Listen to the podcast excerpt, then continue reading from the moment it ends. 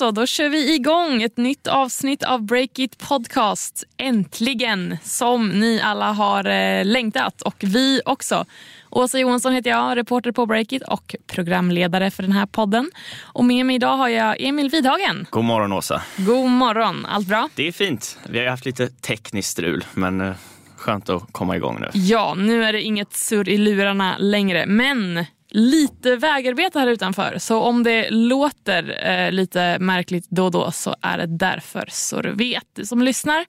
Och eh, vi ska köra igång med massa spännande snack. Men eh, först, Emil. Ja, först så eh, ska jag säga att vi har en eh, riktigt spännande sponsor med oss i podden den här veckan. Och det är AI-bolaget Eivora.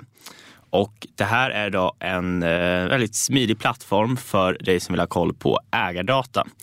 Evora är då den plattformen som har bredast täckning för just ägardata på svenska bolag. Och det gäller både för noterade och onoterade aktiebolag. De använder en avancerad AI-teknik och egna algoritmer som gör att de kan tillgängliggöra ägardata som inte har gått att få tag på tidigare. Och det är kul för att vi, vi på Breakit har ju faktiskt baserat mycket av vår egna journalistik och eh, tjänst utåt på i våra data det senaste året. Det är liksom vår bolagsdatabas som vi har lanserat eh, som många säkert har koll på och flera artiklar om exempelvis värderingar på i våras uppgifter. Eh, nu är det så här att Evora släppte bara häromdagen en helt ny tjänst där du som enskild användare enkelt kan komma igång och få tillgång till all ägardata. Och då får du bland annat se ägarlistor för alla bolag, du får se värderingar och kapitalrunder och du kan bevaka specifika branscher och bolag enkelt. Så gå in och läs mer på evora.com. Men eh, då så, vi har ju våra möten, våra snackisar och köp och sälj. Och eh, ja, men eh, vad har du haft för möte, Emil? Något spännande? Jag har haft ett spännande möte. Jag har snackat med Ted Elvhage som har legat bakom en rätt så spännande grej. Är det ett namn som ringer några klockor för dig, Åsa? Nej, faktiskt inte en enda klocka här. Det är ju lite liksom, av en pionjär på rymdområdet i Sverige, åtminstone ur någon slags tech och investerarperspektiv. Han har haft tidigare ett investeringsbolag som heter Rymdkapital och eh, kanske ett namn som många har haft lite koll på. Men Utom jag då. Det är nog viss, vissa som känner till. Det är eh, ändå liten branschprofil. Sådär. Men alltså rymdområdet, det låter ju både jättebrett och lite diffust. Vi ska reda ut det. Men han har alltså nu lanserat en ny fond, Expansion, som han har att de har säkrat 100 miljoner euro, som alltså motsvarar ja, drygt en miljard kronor då, och vill ta in ytterligare två miljarder kronor.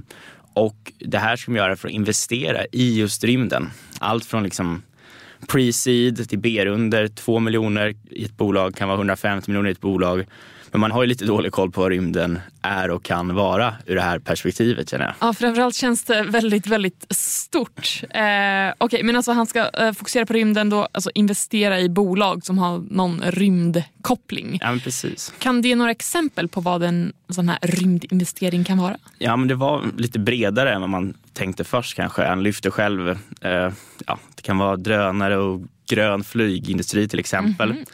Men jag kände att det verkligen klickade när, när jag liksom sa citatet rymden är data. Okay. Eh, och till exempel så kom, säger han att 60 procent av all hållbarhetsdata kommer från satelliter. Väldigt viktigt för eh, sjöfart, skog eh, generellt, skogsbränder, jordbruk, värmeutsläpp från byggnader verkligen jättemånga olika branscher eh, liksom i fysiska världen som påverkas av datan som det här bygger på. Mm. Typ ja, satellitsignaler ligger till grunden för tidsstämplarna för olika transaktioner på aktiemarknaden. Men vi vet ju liksom hur, hur håsat data är och data är det nya guldet och så här, ja. har jag ju sagt många gånger. Och det här kanske är lite av tekniken bakom att samla in mycket av datan i den fysiska världen och då förstår man att det finns potential ur ett investerarperspektiv också. Ja men verkligen. Men eh, vad tar du med dig från ert snack annars då? Ja, men först och främst är det väl lite imponerande bara med att man gör en stor fondstängning när vi vet att det är svårt att få in kapital. Ja det var ju rätt så mycket pengar. Ja men precis och en nyckel i det var nog lite att det till stor del kom från den här europeiska investeringsfonden då, eh, som är liksom ett EU-kopplat eh, investeringsorgan. Och eh, de lyfter lite att det är liksom, ja, för dem är det viktigt att liksom, eh, Europa också har en satsning på det här när andra stormakter i världen satsar och att ja, då ligger det strategiskt rätt att vi har våra egna bolag som växer fram på det här området.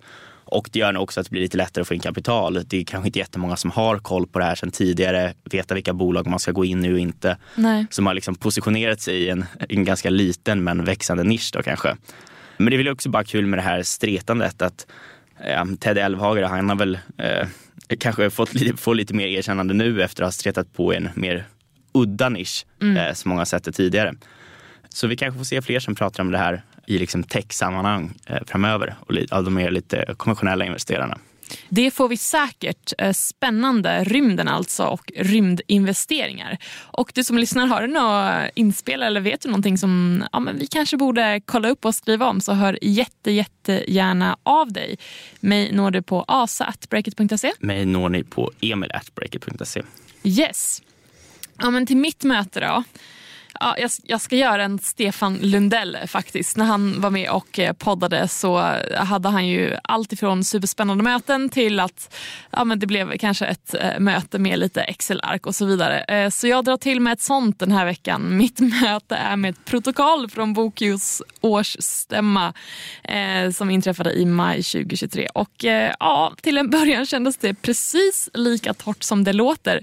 Men mellan eh, pappersarken så gick det att hitta riktigt intressanta grejer. Framförallt intressanta namn. Varför har du grottat i det här då? Jo, men relevant fråga du. Ehm, det är ju nu så att efter ett par års jobb med att pressa upp intäkterna så är väntan snart över för aktieägarna i det här SAS-bolaget, alltså Bokio. Och eh, affären med majoritetsägaren Visma är nämligen eh, klar nu omkring i dagarna vilket innebär att Visma kan köpa upp resten av aktierna. Och eh, några av våra kollegor som har grottat i det här har också kunnat avslöja att Bokios värdering är skyhög. Så aktieägarna, som alltså då kan sälja i samband med affären, kan skratta hela vägen till banken. Ja, det är ju typ en av de högsta techvärderingarna är någonsin sett till multipel på eh, omsättningen. Så man får väl lyfta lite på hatten för Viktor Stensson och de andra som har förhandlat fram det från Bokus perspektiv. Då. Ja men exakt. Och varför grottar jag då i det här eh, protokollet från årsstämman? Jo men vi vill ju ha namn på de här Precis, ägarna. vinnarna. Vinnarna, exakt. De som kan skratta hela vägen till banken. Och bland de största ägarna, ni kan ju såklart läsa mer på break.se, men bland de största ägarna eh, finns eh, bolag som i sin tur ägs av Bokios medgrundare, däribland Viktor Stensson, Mikael Eliasson och eh, Joel eh, Rosada. Även eh, Mikael Pavlo som är grundare till Red Flag, ett bolag som slogs ihop med eh, Bokio, finns med här också. Hittar du några överraskningar i ägarlistan då, eller något annat som var oväntat? Alltså det var en sjukt lång ägarlista. Alltså verkligen. Eh, så det tog sig sin lilla stund. Och eh, när jag letade igenom här så hittade jag bland annat Stardol-grundaren Mattias Miksche. Jag hittade Andreas En, Spotifys första anställde. Eh, och så hittade jag Truecaller-grundarna Alan Mamedi och Namin Sharinghalam. Men som sagt, mer om den här affären eh, och massa tidigare hemliga detaljer eh, som våra kollegor har nystat upp hittar ni på breakit.se. Vi kliver in på våra snackisar och eh, ja, men, eh, vad säger du Emil? Ja, men jag tänkte prata lite om övergivna startups. Övergivna Och startups. kopplat till lite artiklar som vi haft på det här senaste tiden. Men vi kommer väl in på det. Bakgrunden till att startups blir övergivna då, det är väl liksom eh, finansieringsmarknaden i stort som vi vet är tuff. Många kan inte få in kapital, investerarna lämnar dem. Gud, sad face. Alltså, Ja, om man så- får dra till med en sån. Det Ja, låter verkligen så. här. Vissa kanske inte hade fått det även om finansieringsmarknaden var bättre också. De kan ju, kan ju eh, ja, inte ha utvecklats som, som investeraren tänkte från början. Och det har ju också kopplat det här till att det är väldigt svårt att eh, sälja av sina innehav från fond, fondhåll då, eh, via börsnotering eller uppköp. Det har varit i princip helt döda möjligheter nu. Och att det är svårt att göra exit, det skapar kanske lite en propp i hela systemet. Och därför pratar vi ganska mycket om börsfönstret och när det ska öppna. Det är inte så konstigt. Det är väldigt viktigt för att hela marknaden ska komma igång. Om bolag kan komma att börja noteras igen i större utsträckning så ger det kanske en hel del följdeffekter för hela startup-industrin. Okej, eh, men vad är det viktigaste med sådana här effekter då? Från liksom ett riskkapitalperspektiv så innebär liksom, om börsfönstret öppnas så kan eh, Eh, investerare från liksom, de allra tidigaste änglarna till mer vanliga VC-firmor, family office däremellan och så vidare göra sina exits. Och vi vet ju att de här har lite pengar i kassan nu. De har investerat mindre det senaste året, kanske generellt eh, på lägre nivå, på ängelnivå. Och om de kan likvidera sina vinnare och liksom få ut dem från att de har en skyhög värdering på papper till rena cash så betyder det ju troligen att de har betydligt större summa att gå in med nya pengar i startups. Då. Mm, och det får ju liksom hela kretsloppet att komma igång. Då får hela techbranschen fart. De här nya kan liksom skala upp nya anställningar och så vidare. Det blir proppen ur. Ja, men det är stora systemeffekter liksom, eh, känns det som. Men dels så tror ju kanske många nu att det här dröjer lite till. Det är inte några noteringar som jag sett i någon jätteutsträckning än. Och sen är det ju framför allt också de stora succéerna som ofta blir noterade eller uppköpta av stora jättar. Och det kanske inte blir lika mycket uppmärksammat de olika liksom, alternativen för bolagen i mittensegmentet. Typ de som inte går i konkurs och inte de som har liksom en spikrak resa uppåt och är på väg att kanske gå till börsen så fort det är möjligt. Mm. Det finns ju många bolag som har varit igång länge. De hamnar lite mitt emellan. Och det känns som att det finns ett par vägar som vi har diskuterat på Breakit de senaste veckorna för de här bolagen i lite mittensegmentet. Då. Okej, spännande. Och vad är det för alternativ för de här bolagen då? Ja, men jag tänkte vi ska hålla lite två perspektiv här. Ett är liksom exit för investerarna och eh, ett lite mer liksom hur entreprenörerna kan få ny finansiering och liksom starta upp bolaget på nytt. Mm -hmm. Men från det här investerarperspektivet då så är det väl secondaries som börjar bli en allt hetare trend som jag tror vi kanske har pratat om lite kort i podden någon gång tidigare. Och det väl, betyder egentligen bara att investerare köper aktier av andra investerare istället för en ny emission. Aha, okay. Sen tidigare har vi sett en del fonder som kanske fokuserar på att köpa ut grundare, personal, tidiga änglar eh, och framförallt det heta bolag idag.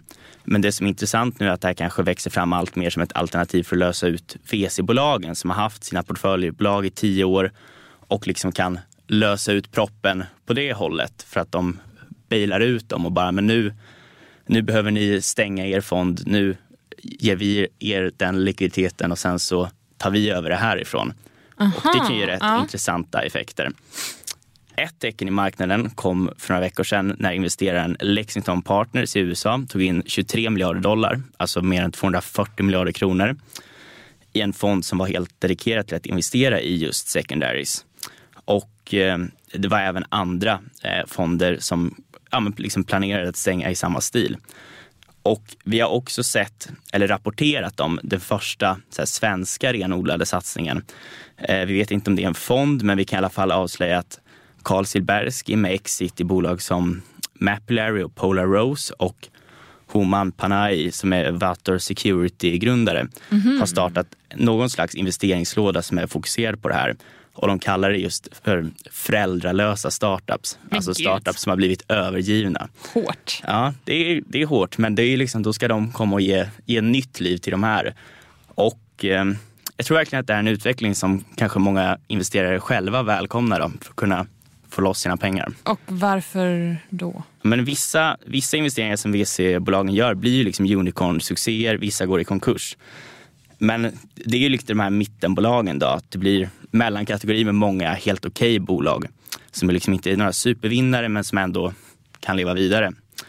Och det är väl när, när de behöver stänga sina fonder som de verkligen blir glada om någon annan vill ta över ansvaret och inte bara vänta ut i flera år till. Sådär. Men om vi ska spekulera lite då, kommer det här alltså att öka ännu mer och i sådana fall, vilka blir de stora vinnarna? Nej, men, eh, tisslas tassas lite om att fler ska satsa på den här trenden.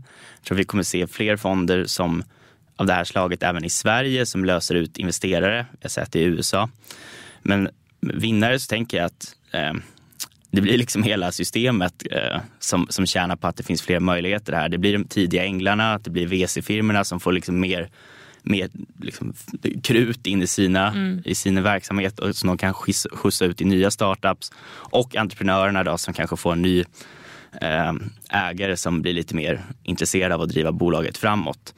Så jag tror det blir väldigt spännande att följa USA som ligger lite framför och se hur stor grej det börjar bli där och sen så kommer nog Sverige och Europa följa efter lite. Så eh, vad, vad skulle du säga, när är det här liksom riktigt himla hett?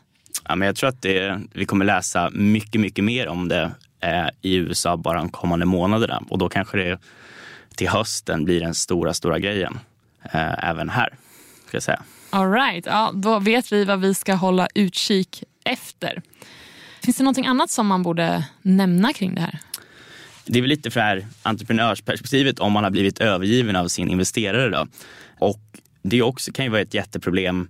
Vi har skrivit lite om eh, dolda giftpilar och eh, det kan ju handla om att man egentligen har en sund eh, fungerande verksamhet men att typ all motivation för entreprenören försvinner för att värderingen ändå sjunkit sen toppen och då har de här investerarna massa preferensaktier som gör att de kommer ta hela uppsidan om det väl är dags att, mm. att göra en exit.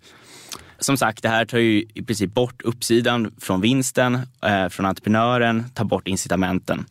Så då hade vi, det var Lars Sveder som är partner på riskkapitalbolaget Montero som i en artikel eh, lanserade en idé om att lösa upp den här finansiella knuten som entreprenörer och deras ägare har trasslat in sig i. Och eh, i det här fallet då så skulle Montero ta över det finansiella ansvaret för bolaget, skaka fram nya pengar, men då också ta en väldigt stor andel av det och kräva att preferensaktierna stämplas om till stamaktier. Eh, så att de alltså har liksom samma rättigheter. Grundare får ut en lika stor del av kakan som de har rätt till i procent som mm. investerarna. Eh, det här kan ju verkligen bli ett jätteproblem om de viktiga grundarna i ett bolag bara försvinner. De har mest kunskap om, om hur bolaget ska drivas framåt, mest kunskap om ja, vad det behövs, eh, om hur marknaden ser ut och sådär. Eh, jag vet att vissa riskkapitalbolag håller väldigt hårt på sina preferensaktier men det känns i alla fall som att det kan skapas lite mer debatt kring om de kanske ska slopas eller att man ska göra om eh, den här eh, aktiestrukturen i vissa fall framöver. Så det blir också en intressant utveckling att följa tycker jag. Onekligen. Vad är din snackis den här veckan Åsa? Ja men eh, na, snackis eller kanske snarare en spaning. För alltså det här eh, handlar om att allt fler entreprenörer eller snarare personer som gör en så kallad hälsoresa eh, inser att de har lärt sig någonting under processen. Exempelvis att de vill börja träna eller äta lite sundare eller ja, ta hand om sig lite bättre helt enkelt. Och De gör den här då resan eller processen och märker att andra behöver också hjälp med att komma igång med det här på något sätt. Och I och med att de själva då har gjort den här eh, hälsoresan så förstår de att ja, men jag kan ju tälja guld på det här. Och Det är också någonting som verkligen kan ifrågasättas och det ska vi komma in på mer. Men först så tänkte jag fråga dig Emil, tränar du mycket? Ja, jag är nog lite en periodare, men i en bra fas nu efter att Stefan Lundell sa att jag var brutal i marklyft på senaste breakit-träning. Oj, starkt. Du då Åsa? Ja, men, eh, ja, det tycker jag ändå. Jag, jag köttar på. Men tycker du att det liksom är intressant att så här, tänka på kosten och eh, ja, men vad du har för livsstil och så vidare? Jag försöker tänka lite grann men det är inget eh, som jag följer supernoga så. Men All du right. gör det som jag har förstått det. Ja, det korta svaret är ja och det är kanske därför mitt Instagramflöde den senaste tiden har fyllts med inlägg om träning, eh, videor mm, på människor som lagar nyttiga pannkakor, protein, fika och ja, massa på liksom det spåret. Och det är inte endast liksom sociala medier entusiaster som delar med sig av sin träning och kost utan det är också personer som gärna ger råd till andra och tar betalt för det. Kan du ge något en konkret exempel på ett sånt här bolag? Ja, men jag snackade med en person som heter eh, Emmy Gerling som är grundare av Wellness by Emmy. Och, eh, ja, men lite kort om henne då, så att för flera år sedan så kom hon till en punkt där hon kände att eh, kroppen mådde dåligt och hon insåg att hon verkligen tar tag i sin hälsa. Och eh, hon, hon började läsa på om kost och träning och liksom höll sig undan från allt vad som kan framstå som liksom så extrema dieter som hon då hade testat tidigare. Och under vad då Emily Gerling kallar för sin hälsoresa så startade hon också konton på sociala medier, däribland Instagram. Och gjorde massa av de här inläggen som jag beskrev innan, liksom med nyttiga recept, träning, mindset och liksom för att nå sina mål. Och snart växte då det här intresset eh, för det egna välmåendet till ett eget bolag som omsatte alltså miljoner och gick med vinst redan första året. Ja, enkelt förklarat då, så ja, hon byggde upp eh, en ganska stor föräldraskara, över 20 000 eh, idag. Ehm, och affärsidén går ut på att eh, kunderna som kommer till henne får en individuell kost och eh, träningsplan baserat på personens preferenser eh, och livssituation och så vidare. Och sen finns det också en, en app med verktyg som, som den här kunden får använda i sin ja, resa i process. Liksom. Men jag förstår det som att det finns liksom fler bolag som verkar i det här segmentet också. Ja men exakt. Ett bolag som vi skrev om för ett tag sedan är Weekly Revolt. Eh, och det var eh, Jonathan Hoel och sambon eh, Louise Åberg som precis som den här Emmy då skulle ta tag i sin hälsa och när de skulle göra det så insåg de att ja, man, det finns ganska tråkiga erbjudanden som finns för liksom att komma i form och många gånger är det väldigt så här fitnessorienterat och liksom inte anpassat för den breda massan då, av vad då, eh, Jonathan har sagt till mig tidigare. Och ja, men de, de tyckte att det saknades något med en annan tonalitet för de som bara försöker komma i lite bättre form och som skapa hälsosammare vanor. Så inte det här att ja, nu är det januari, nu ska man köta sönder på löpbandet, eh, bli sund och sen så tapp, tappar man det liksom efter någon vecka för att det blir för hårt. Liksom. Och precis som Emmy då så skapade Jonathan och Louise eh, en, liksom, en grupp på sociala medier fast de startade liksom en, en Facebookgrupp där de la ut eh, träningsvideos eh, med övningar som liksom enkelt gick att göra hemma. Och De publicerar också så här kostråd i det här forumet. Och Sen så utvecklar de en hemsida och sen även en app. Och eh, ja, Bolagets kassako kom eh, till liv ett tag därefter som var ett kost och träningsprogram att följa i några månader. och sådär. Och ja, Det här bolaget, eh, Weekly Revolt, är mycket större än Wellness by Emmy det gick från att omsätta en miljon kronor 2020 till 25 miljoner kronor två år senare. Och 2022 så uppgick resultatet till ja, men, ungefär 2,4 miljoner kronor. Det ska bli väldigt intressant att se nu när vi får veta hur det gick förra året för de här. Just det. Vi pratade lite om att det går, går bra och kanske en eh, trend på frammarsch. Finns det liksom risker med den här typen av bolag? då? Ja, det eh, gör det skulle jag säga. Alltså, på något sätt så De här personerna de gör sig själva till liksom hälsoprofiler med hjälp av sociala medier. Med allt det innebär. Och Det kan vara väldigt skört. Liksom, blir det en storm på sociala medier kring alltså den här då, personen eller profilen, vad vi kallar det, så kan bolaget få betala ganska dyrt för det. Och nu faktiskt eh, bara för några dagar sedan så har det blossat upp något av en kritikstorm mot just eh, Emmy som vi har pratat om här eh, efter ett uttalande hon gjorde på sociala medier. Och alltså, Det här kanske bara lägger sig jättesnabbt eller så kanske det påverkar bolaget. Det, så det får vi ju se, man, alltså, men det är alltså ändå en fråga man kan ställa sig. Och jag tänker Ett exempel är den så kallade eh, Margot Gates. Eh, det var ju här för ett tag sedan när influencern Margot Ditz fick stark kritik efter ett Youtube-inlägg hon hade gjort. Eh, hon plockade ju bort det här eh, inlägget och bad om ursäkt och så. Men trots det så var det flera varumärken som avbröt samarbeten med den här influencern. Och visst, alltså, om man tittar på exempelvis då eh, Emmy, alltså hon är ingen influencer på samma sätt men hon har ändå väldigt mycket följare på sociala medier.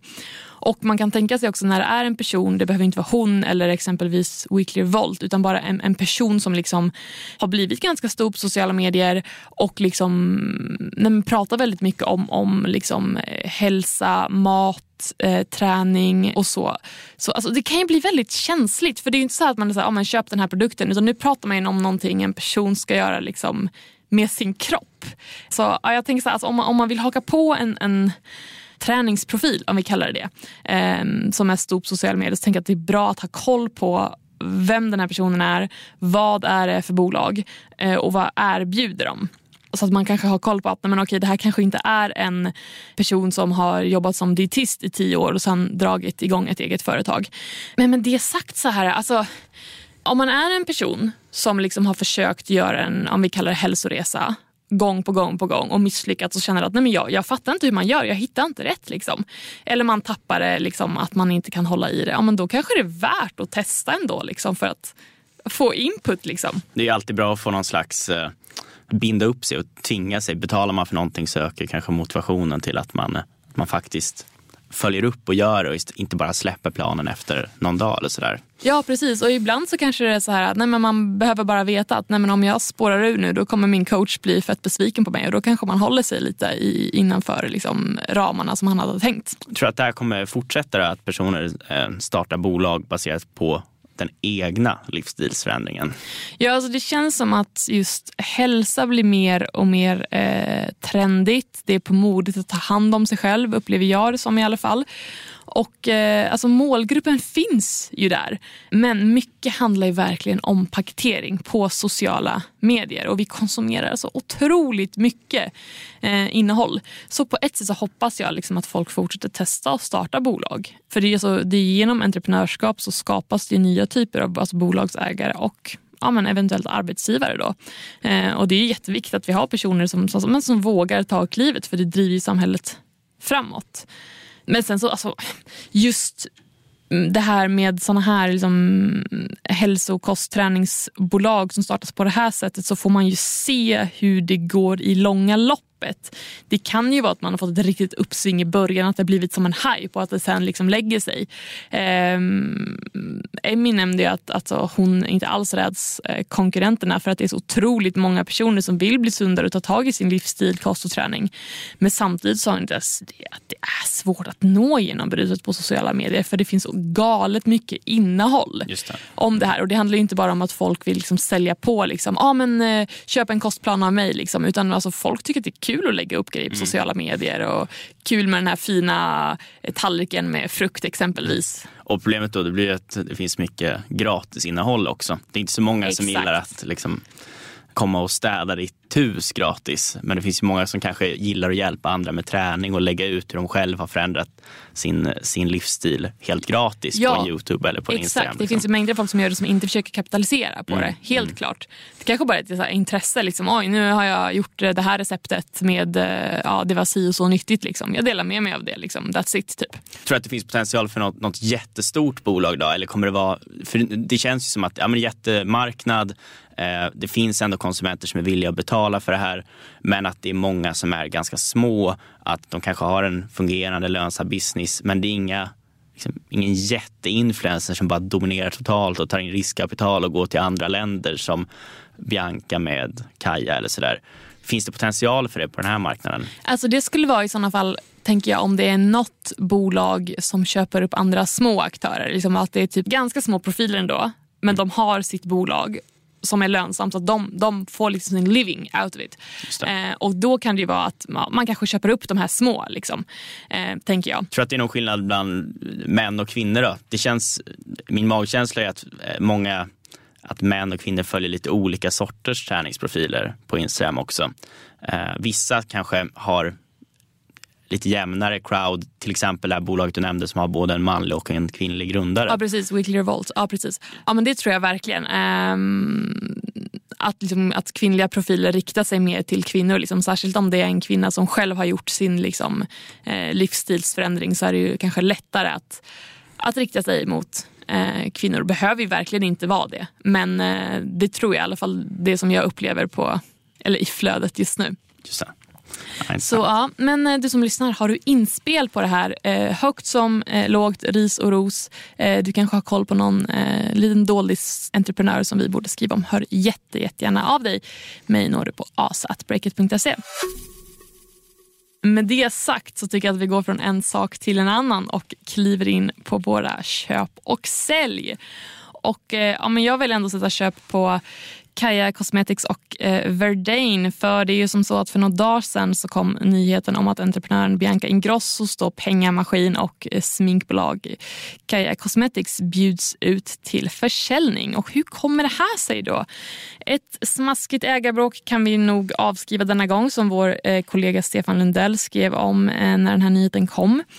Istället så handlar det helt enkelt om att Verdane då som är storägare som klev in i bolaget bara för något år sedan ser ett läge att göra en riktigt bra affär För när riskkapitalbolaget kom in som ägare då eh, 2020 låg värderingen runt 400 miljoner eh, kronor. Men den starka tillväxten och lönsamheten som Kaja har gjort så går det att motivera att värdet nu är runt 4 miljarder kronor eh, efter att skulder på en kvarts miljard kronor räknas bort.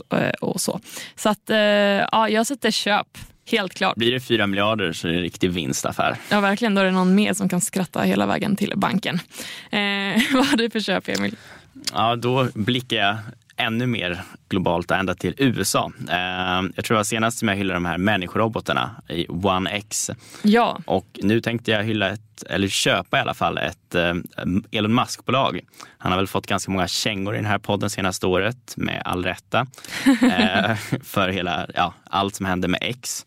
Men nu är det så här att hans bolag Neuralink har opererat in det första järn chippet i en människa eh, i en operation som också ska ha gått bra enligt Elon Musk. Och det här är en ganska ny sorts bolag som har fått grönt ljus från motsvarigheten till Läkemedelsverket i USA att testa den här sortens mänskliga studier eh, så sent som förra året. Och deras första produkt kallas telepathy och kommer göra det möjligt att eh, kontrollera telefon eller dator bara genom tankens kraft via det här chippet i hjärnan. Då, alltså förlåt, men hur sjukt om det här funkar? Det är, det är verkligen, då förändras allt. Då förändras allt? Ja, då, då kommer inte mänskligheten se ut som den har gjort tidigare. Och eh, det är lite läskigt också, men det blir ändå lite därför som jag, som jag vill köpa det. Det är, det är många läskiga utvecklingar som sker nu med AI. Vi vet, vi vet inte hur väl vi kommer kunna kontrollera den och så vidare. Men det kommer i alla fall vara en ny värld med nya startups och nya möjligheter och framförallt att kanske eh, kunna hjälpa ja, men, eh, förlamade och andra som behöver olika hjälpmedel för, för, för sin vardag via hjärnan. Alltså det är ju helt otroligt om det funkar. Då känns det ju Nej, men det, det skulle ju vara otroligt, mm. verkligen. Så bara kanske därför så får man vara lite tech-optimist och välkomna det i någon utsträckning. Tänker ja, jag. men helt klart. Men skulle, skulle du våga? Ja, jag skulle nog avvakta lite. Jag ska inte vara först ut på fältet. Men eh, jag tror inte det är omöjligt att vi alla har ett sånt om 20-30 år. 20-30 år, det är inte lång tid kvar Nej. alltså. Ja, det går snabbt här och ja, läskigt. Dags för lite sälj idag. Jag sätter sälj på Temu, den kinesiska shoppingplattformen som har marknadsfört sig eh, rätt så aggressivt runt om i världen och även i Sverige sedan lanseringen för ett par år sedan. Och I sociala medier så har eh, svenska användare bland annat mötts av budskapet att amen, med det här så kan man shoppa som en miljardär, vilket då ja, men, främst verkar syfta till att det som säljs på Temu är, ja, men, det är väldigt billigt och att man därför kan köpa väldigt mycket. Och här i Sverige kunde vi på Breakit avslöja att eh, flera svenska företag har utnyttjat i falska annonser på Timo. Det var ju ett tag sedan här nu, men nu i alla fall planerar Timo att eh, öppna upp sin marknadsplats för europeiska och amerikanska säljare. Och det ah, är tvek hur det kommer gå. Jag kanske får äta upp mina ord här sen.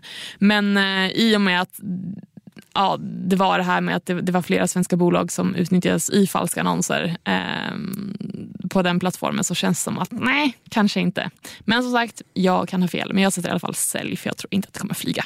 Intressant.